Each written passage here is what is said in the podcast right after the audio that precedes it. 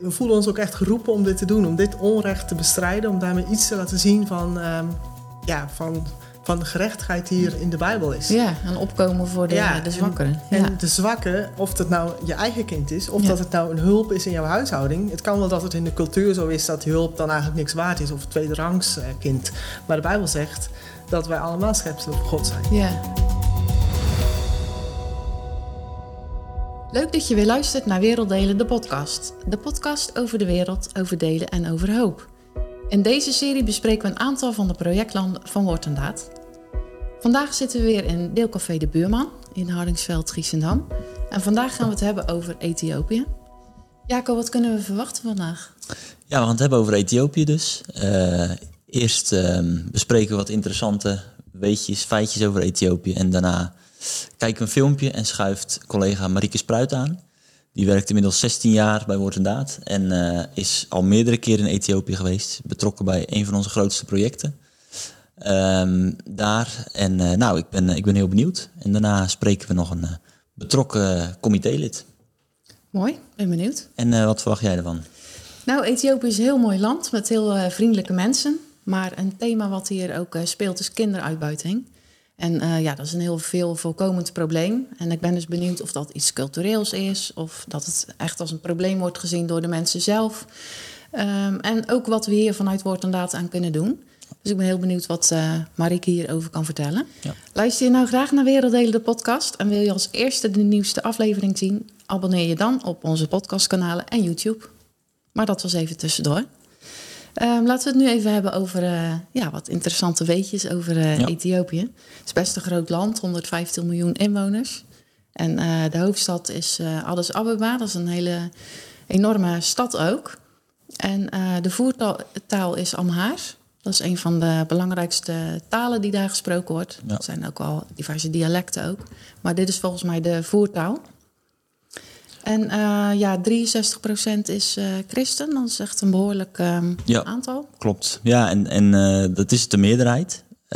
Tegelijkertijd merken we in onze projecten, met name ook de onderwijsprojecten, dat het christelijk geloof niet heel makkelijk, dat je dat niet heel makkelijk kan uiten. Dat is zelfs, eh, nou ja, in die zin verboden. Het is, het is best lastig. En ik, ik wil het straks ook aan Marieke wel vragen: van hoe zit dat precies en waar komt dat vandaan? Want dat zou je niet zeggen. Als het Nee. 63% christen is, waar komt dat dan vandaan? Klopt, Ja. klopt. En er is ook best een hele grote moslimgemeenschap in, eh, in Ethiopië. Dus nou ja, we, daar kunnen we straks nog wel even over doorpraten. Ja, dat is een goeie. Ja. Ja, wat wel bijzonder is aan Ethiopië is dat het eh, het enige zelfstandige Afrikaanse land is. De andere Afrikaanse landen zijn allemaal eh, gekoloniseerd geweest. Ja. Eh, ja, behalve Ethiopië. Daar zijn ze ook terecht denk ik wel heel Ja. trots op. Maar dat is wel een bijzonder eh, feit om nog even te noemen. Ja, ja, dat is echt de trots van het land. Ja, dat, eh, dat hoor je ook als je er bent. Ja, eh, soms wordt het gewoon direct gezegd, maar je merkt ook het is een, het is een, trots volk, mede Ja. daarom. Ja, precies. Ja. Ja. ja, wel mooi. Ik vind het ook. ik ben daar zelf één keer vrij kort geweest, maar het is een mooie, mooie cultuur, mooie ambitieuze mensen. Ja, het is, Mhm. het is echt een mooi land. ja. En jij had nog eh, wat uitgezocht over de vlag, hè? Ja, de, kleur, ik, de eh, betekenis van de kleuren. Klopt, dat is ook wel eh, goed om te noemen. Ik weet het niet helemaal uit mijn hoofd, dus ik pak het er even bij. Ehm, de vlag van Ethiopië bestaat dus uit drie horizontale banen. In de kleuren groen, geel en rood. En de groene kleur staat dus voor vruchtbaarheid van het land. De gele kleur voor vrede en harmonie tussen ehm, de verschillende etnische groepen en geloofsovertuigingen. En de rode kleur staat voor, de, voor kracht en voor de slachtoffers die zijn eh, gevallen om de vrijheid van het land te bewaren.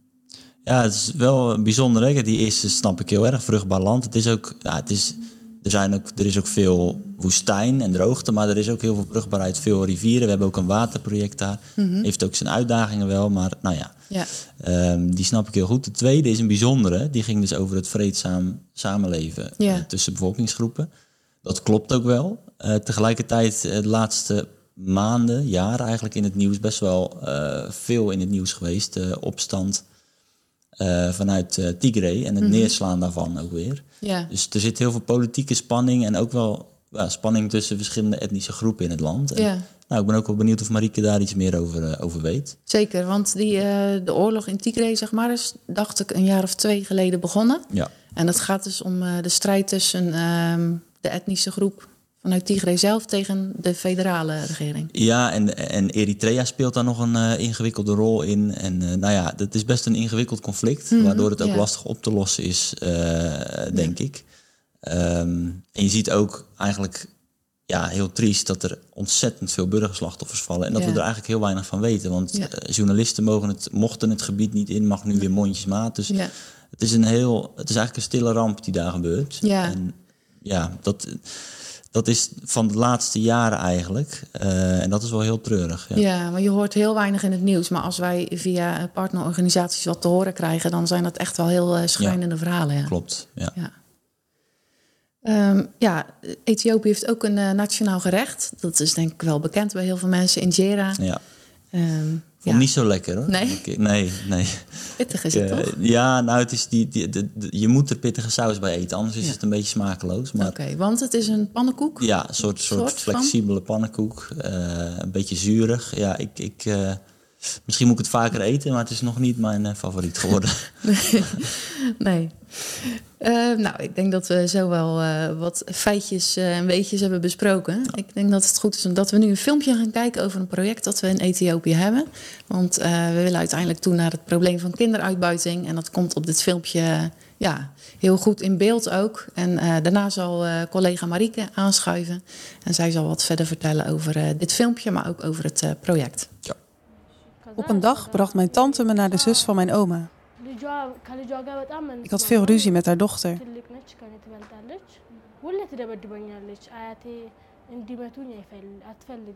De dochter behandelde me slecht. Ze sloeg me. Ze misbruikte me voor allerlei klussen. Ze dwong me allerlei soorten werk te doen. Ook mijn oma schreeuwde naar me en dwong me water te halen. ተብዬ ተቆጣውና እሷም ተቆጣኝ ስራ ቦታ ሄደች ከዛ እሷ ቤት ነበረች መታችኝም Op een dag, toen mijn oma net naar haar werk was, begon de dochter weer te schreeuwen. አያቴ ጋር እጄ እውላለሁ ብዬ ወጣው Ik kon het niet meer aan. Ik wilde daar niet meer blijven. In plaats van naar mijn oma te gaan, besloot ik om te keren. Ik rende naar onze kerk. De dominee bracht me naar het huis van een vrouw uit de kerk waar ik kon slapen. Ochtends was weer een dienst. Aan het eind van de dienst zag een vrouw mij huilen en nam me mee naar huis. Ze stopte me onder de douche en gaf me kleren van haar 14-jarige dochter.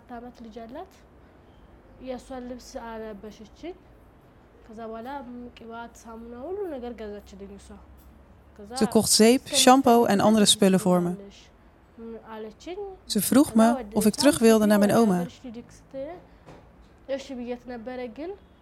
Toen ik ontkende, zei ze dat ik zo lang kon blijven als ik wilde. Tijdens mijn verblijf bij de vrouw van de kerk deed ik veel klusjes. Op een dag gingen we naar een politiebureau voor kinderen zoals ik in Addis.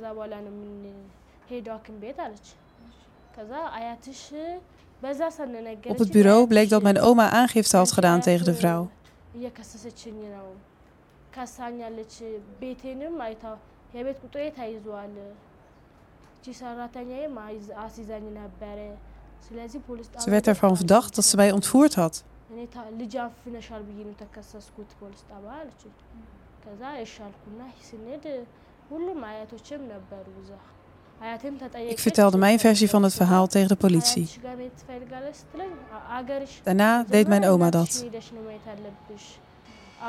De politie vroeg of ik met mijn oma mee wilde of dat ik naar mijn moeder wilde. Ik wilde het allebei niet. Ik hoefde niet naar huis, zei de politie. Er was een plek waar ik heen kon. De politieman vertelde de vrouw dat ik in dat huis alles zou kunnen verwerken. Toen ik hier in het tehuis kwam, werd er goed voor me gezorgd. Ik heb hier geleerd dat je sterk en geduldig moet zijn. እና ትዕግስት ትዕግስት እንደሚያስፈልግ ተምሬያለሁ። Ik ben heel blij dat ik hier onderwijs krijg. እዚህም አማካሪ ስጠይቀኝ ምን ያስደስታል ስትል ትምህርት ነበር ያልኳት እና ትምህርት በጣም ነው የምወደው እና በትምህርት ያልገባኝ Ik hou van leren. እና Ik doe mijn best om alles te begrijpen. እንደ ማንኛውም ሰው ትምህርትን ጨርሼ እ፣ Als ik klaar ben met school, ሀገሬን wil ik mijn land trots መርዳት maken en piloot worden. Ik wil graag straatkinderen helpen en een huis voor hen bouwen. ጎዳና ላይ የሚኖሩ ሰዎችን በቃ ትልቅ ሆኜ ጎዳና ላይ የሚኖሩ ሰዎች ቤት ሰርቼ እነሱን የማስጠጋበት አስብ ነበር። እሱ እሱ መሆን እፈልጋለሁ። Marieke, welkom. Leuk dat je aangeschoven bent om eh, te vertellen over, eh, over Ethiopië. Mooi. Je hebt net ook het filmpje gezien. Dat eh, ging over Belen, een meisje uit Ethiopië wat al heel jong aan het werk is gezet. En ehm, ja, onder ook al, niet al te beste omstandigheden. En eh, ik vind het best een indrukwekkend filmpje. Kan jij iets eh, over vertellen? Ja, dat kan. Ehm Belen, ja, dat was haar naam, denk ik. Want het zal wel een, Ja. eh, een andere naam zijn dan ze echt heeft. Maar ehm, zij, zij zit in een...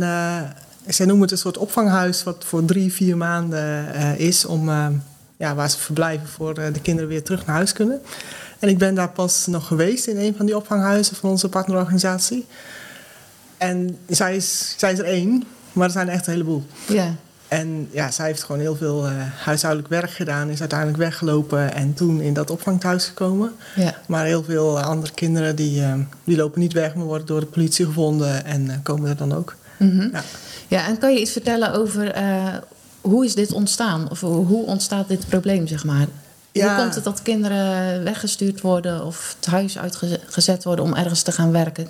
Kan je bij het begin Ja. beginnen Ja. om te vertellen hoe dat in zijn werk gaat? Ja, als je, kijkt, als je denkt aan Ethiopië, het is echt een heel groot land, maar dat ongeveer de helft van de kinderen, ehm, nou ja, tot eh, laten we zeggen 16 of 18 jaar, die werkt sowieso. Mhm. Dus, maar dan is het de vraag van wat voor werk doen ze precies? Ja, En als ze dan alleen maar in de oogst werken en eh, een paar maanden niet naar school gaan en dan ehm, daarna weer wel naar school en in de oogst gewoon met de rest meewerken, dan is het nou, redelijk, dan is het allemaal wel te overzien. Mhm.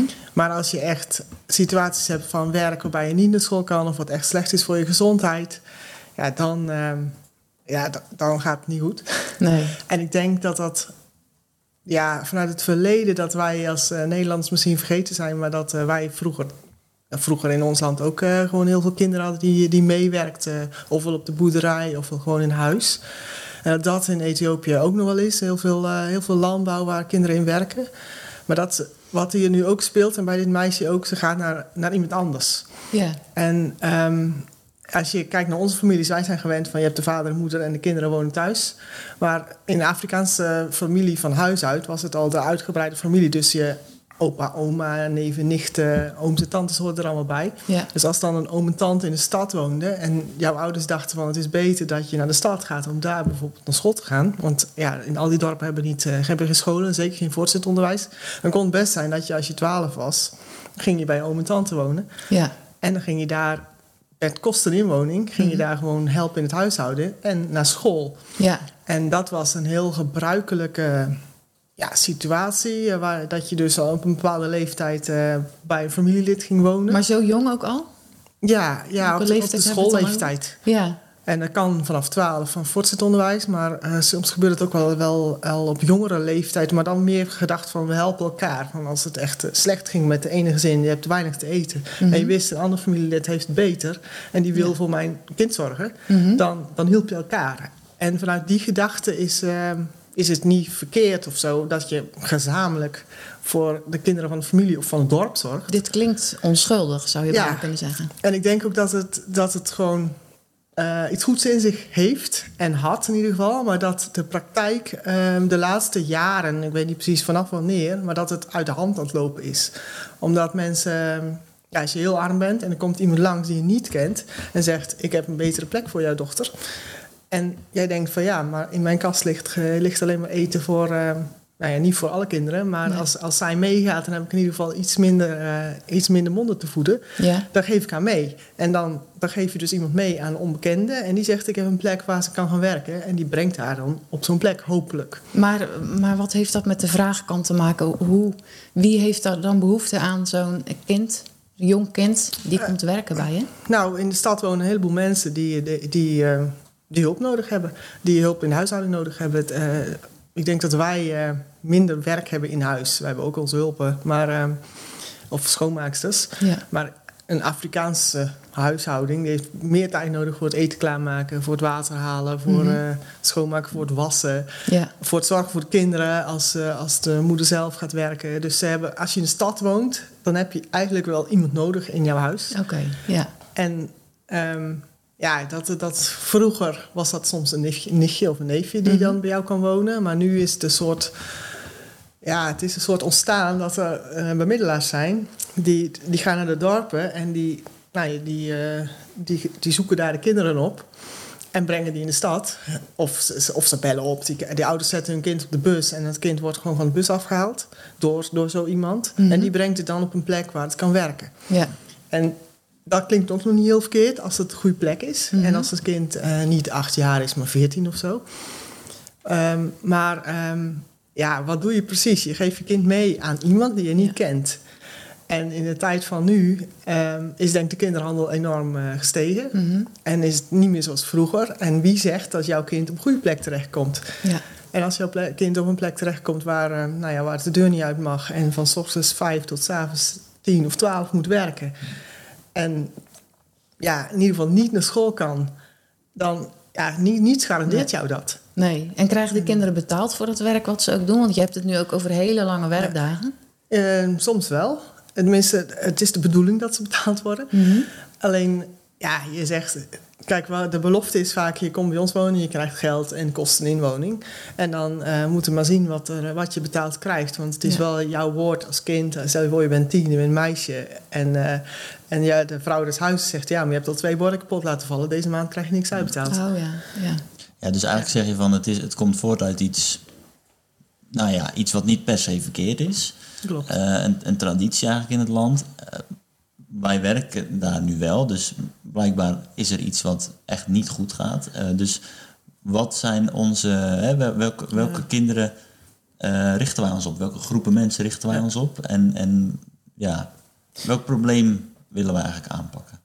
Ja, wat, ehm, wat wij eh, zien, of wat onze partnerorganisaties zien in hun projecten, is dat, dus, dat er dus een heel aantal kinderen zijn die, die bijvoorbeeld door de politie gevonden worden, omdat er een buurvrouw opbelt die zegt: Ik hoor daar de hele tijd een kind schreeuwen. Gaat de politie kijken en die vindt er een meisje of zo die daar al jaren zit. En eh, te maken heeft gehad met echt enorme situaties van mishandeling. Of fysieke mishandeling, seksuele mishandeling, gewoon emotioneel uitschelden of Ehm, ja, kinderen die echt heel erg getraumatiseerd zijn. En de aantallen zijn best wel, eh, best wel groot. En je ziet, het probleem is ook aan het groeien. En dat zijn wel de, de, de, de uitwassen, de ergste vormen waar, waar het in kan belanden. Maar er zit dan wel iets, iets tussenin. Kijk, je hebt, de, Ja. je hebt de situatie waarin het juist gewoon goed gaat. En eh, kinderen eh, bij een oom of tante wonen en gewoon naar school gaan. En het beter hebben dan thuis nog. En dan in de Ja. vakantie weer terug naar huis gaan. En je hebt situaties waarin het echt extreem verkeerd gaat. En de politie eh, bijkomt om ze, om ze weg te halen. Ja. En je hebt een soort van grijs vlak daartussenin. Maar wat wel heel erg risicovol is. Want wie zegt ook dat als jij je kind meegeeft aan iemand die onbekend is... of, die, of dat kind echt gaat werken in een huis... Ja. of dat je bij een bordeel komt... of bij eh, weet ik wat voor andere eh, ja, trieste, gevaarlijke Ja. situaties. Het kind verdwijnt echt uit het zicht van de Ja. ouders. Ja, ja. Maar daarnaast wordt het ook wel het recht op onderwijs eh, ontzegd, zeg maar. ja, maar vaak onder de valse belofte van... Ja, Als, je meega- als je meegaat, dan krijg je onderwijs in de stad. ja, Maar ja. Dat is gewoon. eh, ik, ja, je hebt de, contacten. Het is ver weg van huis. Het zijn vaak ook kinderen die echt helemaal gewend zijn aan het leven in zo'n dorpje. Echt ver weg. En dan in de wereldstad als Addis Ababa komen. Mhm. Maar we werken dus, hè, want je wil dat die kinderen teruggaan naar hun gezin. Of een, nou ja, een, een, familieleden. Ja. Ehm, maar dat kan natuurlijk ook niet zomaar. Dus we werken ook met eh, de familie zelf. Hè, daar op het eh, nou ja, platteland dan meestal. Ja. Wat, eh, kun je daar iets over vertellen? Wat doen we met die families in bewustwording? Ja, ik denk dat je ehm, wel, ons project kun je verdelen in deels is het preventie. Echt dat mensen ook stoppen om hun kinderen zomaar mee te geven of op de bus te zetten. Maar ja, als je echt zo arm bent dat je geen andere optie meer hebt, dat je denkt van ja, hier zouden ze sterven van de honger. Of ik zet ze op de bus, misschien gaat het daar beter met ze. ja. Ehm, dus we hebben projecten waarin we echt werken aan economische versterking van de families. Dat ze ja, ja, in ieder geval wat meer inkomen kunnen krijgen. En ook dat ze dus ja, de prioriteit voor de kinderen gaan geven. Dat ze ze zo goed mogelijk naar school sturen. Ehm, ja, dus je, Ja. preventie is... Ja, je kan niet zonder dat hele armoedeverhaal om, nee.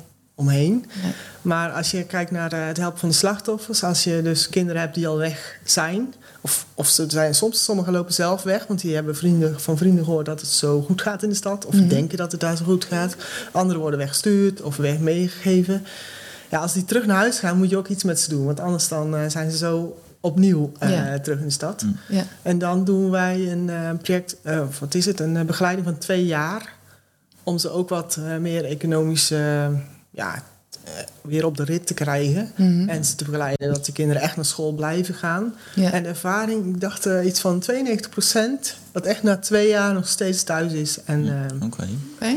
en Ja. dan is het stabiel genoeg Hm. om te zeggen: oké, nu, eh, nu blijft het zo, eh, Ja. zo wel doorgaan. Ja, en het is ook het verhaal van meisjes. Eh, meisjes worden eerder of niet naar school gestuurd, want ja, ze moeten toch gaan werken in huishouden. En daar zit ook iets in van ja, meisjes vanuit het verleden, eh, ze moeten ook leren om een huishouden te, te runnen. Ja.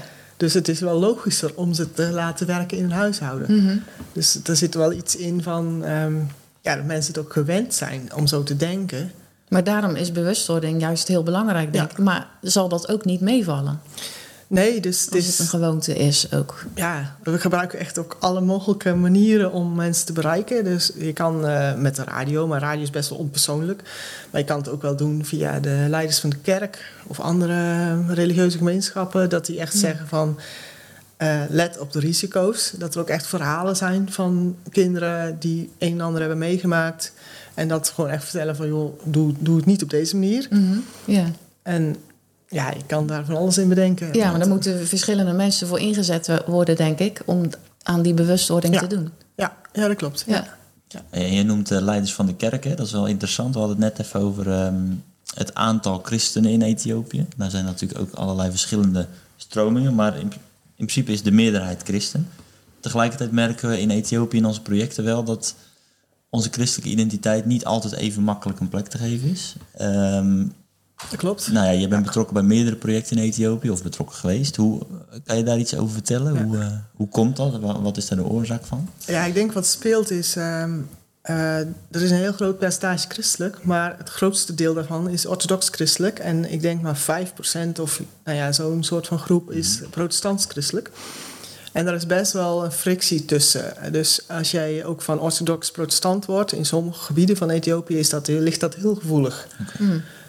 En eh, de overheid, ja, dan heb je ook nog de groep met moslims en moslim-extremisme aan de kant van, eh, van Somalië. En ehm, de overheid die heeft al heel wat aan, eh, ja, gewoon om, om zich druk over te maken in de etnische problematiek. En dan kan je daar ook nog eens alle reli- religieuze verschillen tussenin. Dus de overheid Ja. is echt gewoon heel strikt op alles wat wij doen, moet neutraal zijn. Ja. Dus een, iets als een onderwijssysteem, dat moet neutraal zijn, zodat we in ieder geval niet in de school eh, weer allerlei conflicten hierover krijgen. En daarom zijn ze ook zo strikt dat je niet expliciet ehm, tijdens de, de, de schooltijden Mm. je christelijke bijbelverhaal eh, mag vertellen of zo. Mhm. Maar wat je ziet is dat partnerorganisaties ja, daar op een manier mee omgaan dat het past binnen de context. Kijk, als je iets gaat doen wat niet mag van de overheid, dan word je gewoon verboden en kan je helemaal niks meer. Ja. Dus ze doen het ofwel voor, voor schooltijd of na schooltijd. Of ehm, ja, ik denk ook het project wat wij doen nu met het helpen van deze kinderen die echt, echt ja, enorm misbruik hebben meegemaakt. Dat is ook iets laten zien van, van barmhartigheid, van gerechtigheid. Ook het zoeken van recht voor, eh, voor deze kinderen. ehm. en daarin laat je ook iets zien van onze christelijke waarden. Mhm. Zeker. En ja. ik denk dat ze het zo expliciet mogelijk doen, maar dat je niet, ehm, ja, je kan niet zeggen van we gaan eh, aan het begin van elke dag een, eh een Bijbelverhaal vertellen of zo. Nee. Nee. Nee. Maar goed dat het toch op andere manieren Ja, erin verweven is, zeg maar. wel. Binnen de grenzen van En wat kan in zo'n land. Bijvoorbeeld die huizen waar deze kinderen zijn. ehm, wat we in het filmpje wat we net zagen. De ene huis heet Lydia, het andere huis heet Deborah. Dus het zijn al Oh, ja. duidelijk aangrijpingspunten ook om het gesprek over, eh, over te hebben. Ja. Ja. Ja. ja. mooi dat dat dan wel mogelijk is. Zeker, ja. Ja. Ja, en het is ook wel heel erg daaruit gedreven. Want ehm, dit, dit, deze problematiek is, is echt heel ingewikkeld. En partners ervaren het ook wel als een soort van geestelijke strijd. Van je kan, als je je mee bezig gaat houden, die, eh, er, wordt, er gaat gewoon geld in om. Want als je echt aan de verkeerde kant zit. Kijk, we hebben het over de goede kant gehad van mensen die eh, in de familie elkaar helpen. Maar de verkeerde kant is gewoon hele harde kinderhandel Ja. en mensenhandel. Ja, En daar zitten de criminelen. ja. En als je daar tegen gaat eh, werken, dan, dan krijg je ook gewoon echt hele harde tegenwerking. En ook gerust bedreigingen naar je toe. Mhm. En dat we het toch, dat onze partnerorganisaties toch zeggen van we gaan hiermee verder. En ehm, ja, we zetten hier stappen in. We, willen dat zo verstandig mogelijk doen, samen met de overheid, samen met politie. Maar we voelen ons ook echt geroepen om dit te doen, om dit onrecht te bestrijden, om daarmee iets te laten zien van, ehm, ja, van, van de gerechtigheid die hier in de Bijbel is. ja en opkomen voor de, Ja, de en- zwakkeren. En Ja. de zwakke, of dat nou je eigen kind is, of Ja. dat het nou een hulp is in jouw huishouding. Het kan wel dat het in de cultuur zo is dat die hulp dan eigenlijk niks waard is, of een tweederangs eh, kind. Maar de Bijbel zegt dat wij allemaal schepselen voor God zijn. ja. En dat, dat zit heel sterk in deze projecten. En, Mhm. en zullen ze ook, eh, nou ja, als ik de partnerorganisaties spreek, tot echt tot in diepst van hun hart overal weer neerleggen. En op welke, welke bijeenkomst het dan ook is. Vraagt ook wel veel van de partnerorganisaties, denk Oh, ik hoor, die positie. Ja. Ja, en soms hebben wij ook maar half door, denk ik, wat we van ze verwachten. Bijvoorbeeld ook, ehm, nou ja, die, gaat die, die kinderen die we net zagen op het filmpje, die gaan ze dus terugbrengen in hun eigen gebieden. Nou, die zijn soms echt heel ver weg. Eh, sommige van die gebieden die zijn in de conflictgebieden van Ethiopië. Oh ja. En wat doe je dan? Zeg je dan, ja, ehm, ja dit kind kunnen we niet terugbrengen bij zijn familie? Of, eh, of ga je toch?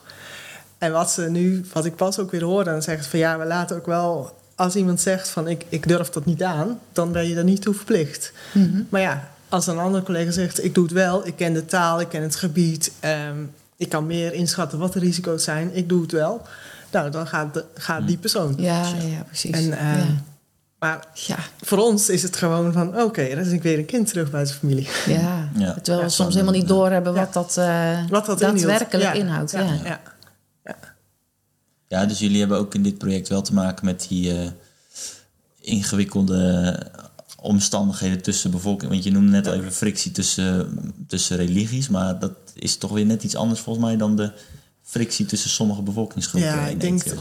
het grootste probleem in Ethiopië wat nu speelt zijn de etnische, etnische verschillen. Ja. soms gaat het ook gewoon over eh, wie toegang heeft tot het water of tot, eh, Ja, tot het land. Ja. En er is ook enorm droogte nu in het zuiden. En ehm, ja, de- laatste getallen zijn, zijn echt enorm. Dat er gewoon 20 miljoen mensen noodhulp nodig Ja. hebben. ja, enorm. eind van het jaar. En Ja. wat maakt dat ons project eigenlijk ja, nog, dat het gewoon nog lastiger wordt? Omdat mensen, mensen worden armer en mensen zitten in een hele onzekere situatie. En dan komt iemand langs die zegt met een goed verhaal voor, voor je dochter. Mhm. Ja. En die zegt, ik weet echt, eh, nee, als ze met mij meegaat of als je ze op die en die bus zet, dan komt het goed met haar. Dan krijgt ze een goede toekomst in de stad, is veel veiliger, heeft meer eten. eh, ze Ja. moet wel wat werk doen, maar eh, nee.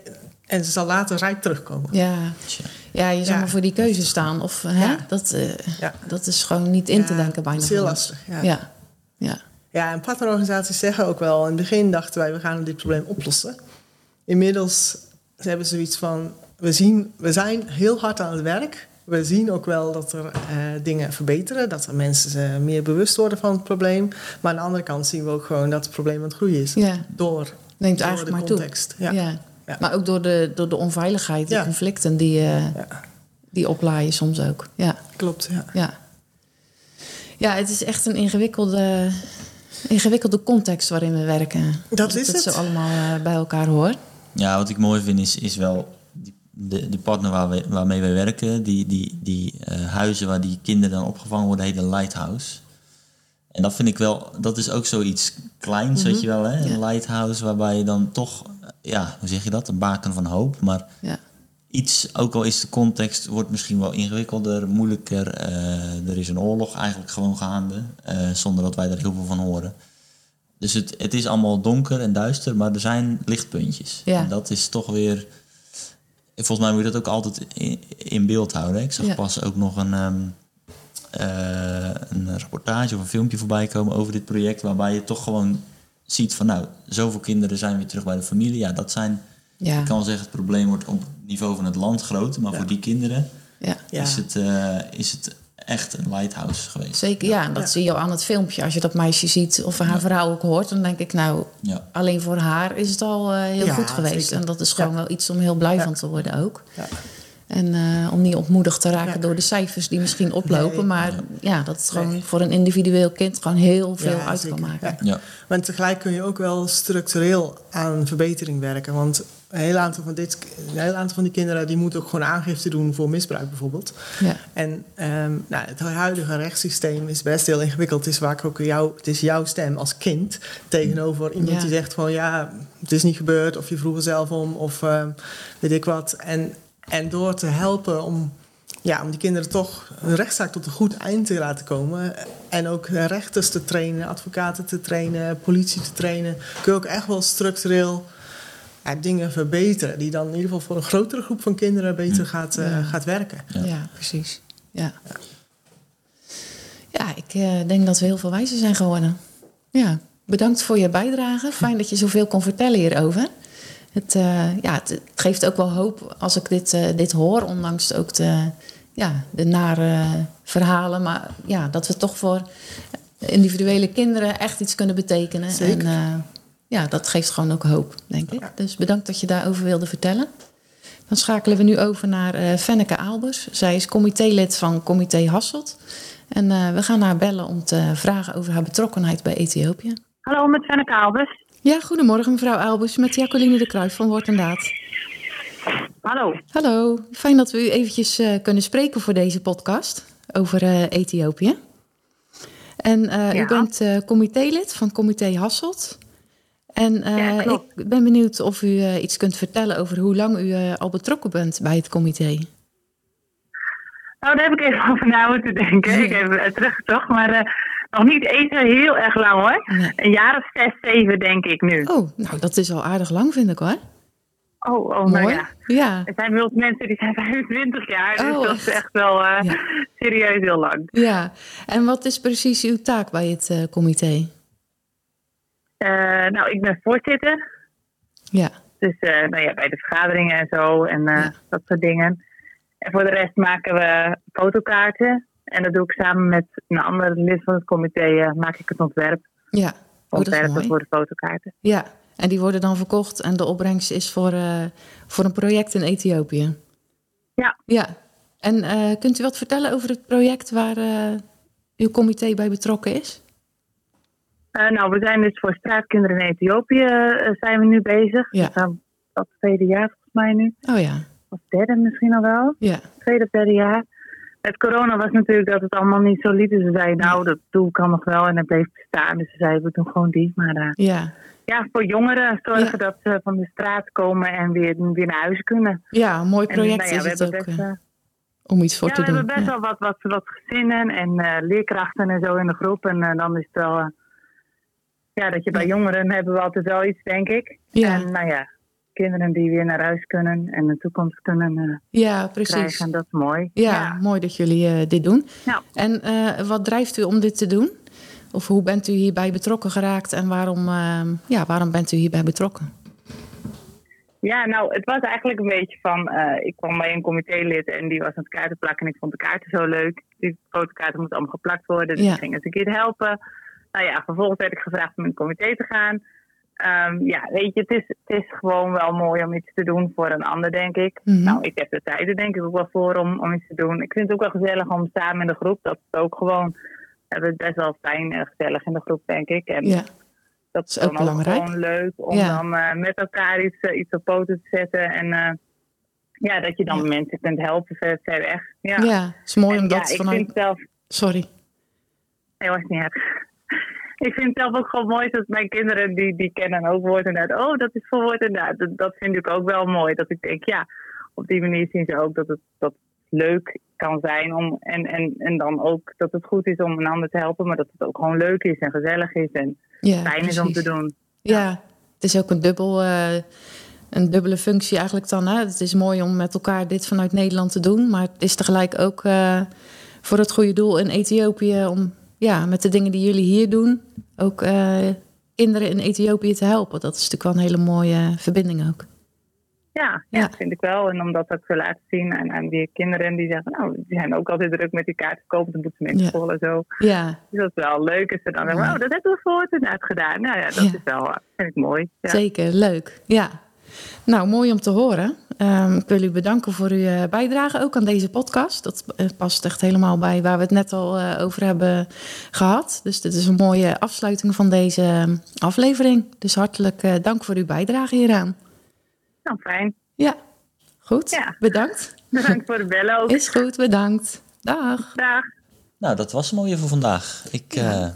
Vond het heel interessant. Is het verhaal van Marieke. Ja, volgens mij raken we niet uitgepraat over Ethiopië. Er is nee. uh, zoveel te vertellen. En nou ja, moeilijke situatie, maar ook weer mooie dingen die we daar kunnen doen. En ook de, de mensen zelf daar, hè, onze partners, die daar echt heel hard werken. Dat heb ik wel ook uh, gezien. Mm -hmm. dat, dat wordt enorm veel werk verzet. Dus ja, uh, mooi om daar weer over te horen. En ook altijd, ja, ik blijf het zeggen, ik, ben, ik word toch altijd weer geïnspireerd door de, de achterban. Dit keer iemand van een comité die dan zo betrokken en, uh, en enthousiast bijdraagt hier in Nederland. Ja, uh, absoluut. Aan, ja. aan het project in Ethiopië. Dus Ja. nou, het, ik vond het weer een leerzame aflevering. Zeker, op naar de volgende. Op naar de volgende. Volgende keer Bangladesh. Dus ik ben benieuwd. Ik ook. We gaan ervoor. Ja. Mooi dat je luisterde naar deze podcast. Vond je het een interessante aflevering? Of heb je een vraag of een opmerking? Laat dan een review achter of mail naar podcast.woordendaad.nl. Over twee weken zijn we weer met een nieuwe aflevering. Tot dan!